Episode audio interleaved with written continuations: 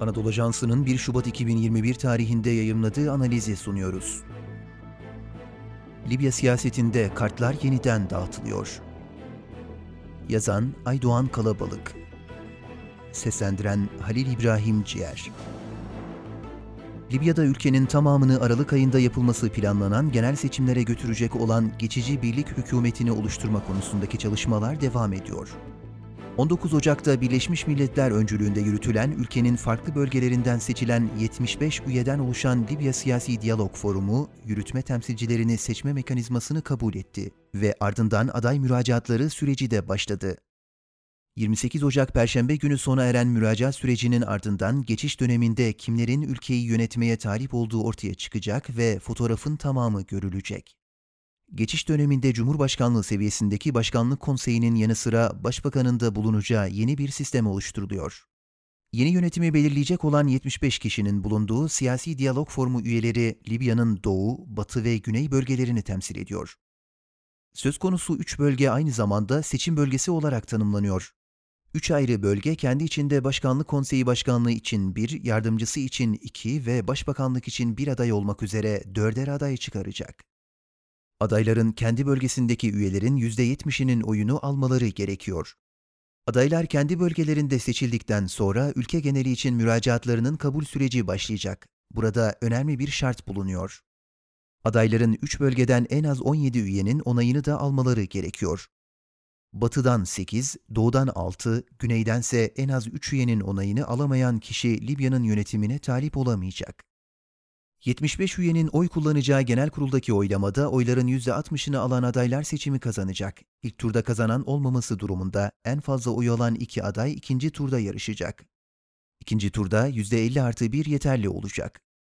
Başkanlık Konseyi Başkanlığını kazanan adayın iki yardımcısının diğer bölgelerden olması gerekiyor. Söz konusu 4 kişi ve kuracakları geçici hükümet ülkeyi 24 Aralık 2021 tarihinde yapılacak olan seçimlere götürecek. Muhtemel adaylar ve kazanma şansları Müracaat süresinin 28 Ocak Perşembe günü sona ermesinin ardından 30 Ocak Cumartesi günü Birleşmiş Milletler Libya Destek Misyonu aday olan isimlerin listesini açıkladı. Geçiş döneminde Cumhurbaşkanlığı seviyesindeki Başkanlık Konseyi Başkanı'nın yanı sıra Başbakanın da bulunacağı yeni bir sistem oluşturuluyor. BM Libya Destek Misyonu Başkanlık Konseyi Başkanlığı için 24, Başbakanlık içinse 21 adayın müracaat ettiğini duyurdu. Başkanlık Konseyi Başkanı Faiz Eserrac'ın yerine ülkenin doğusundan birinin geçme ihtimali yüksek. Libya'nın doğusundaki gayrimeşru silahlı güçlerin lideri Halife Hafter yanlısı Tobruk Merkezi Temsilciler Meclisi Başkanı Akile Salih'in en güçlü aday olduğu konuşuluyor. Eski milletvekili Eşşerif El-Vafi doğudan aday olan diğer bir siyasetçi. Son birkaç aydan beri adı geçen emekli büyükelçi Muhammed El-Bergasi de aday listesinde yerini aldı.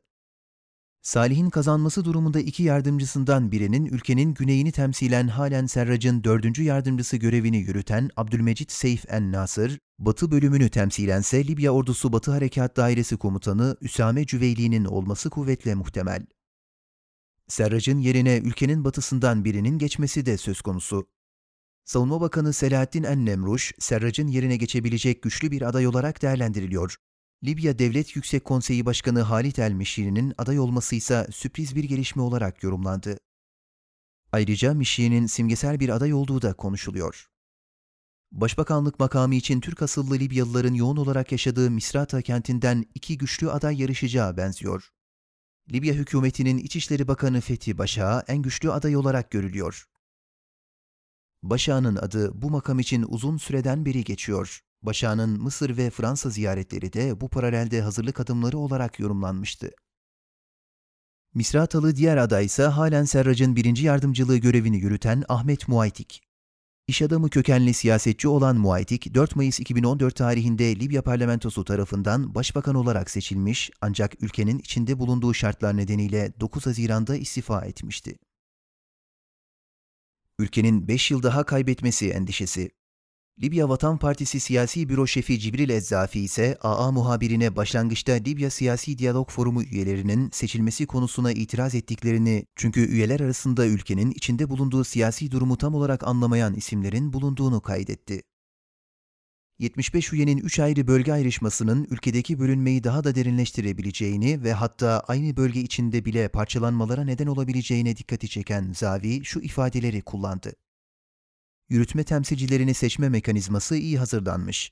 Herkesin aday olabiliyor olması son derece iyi. Fakat söz konusu makamlara aday olanların devleti yönetme konusunda zayıf kalacak isimler olduğunu düşünüyorum.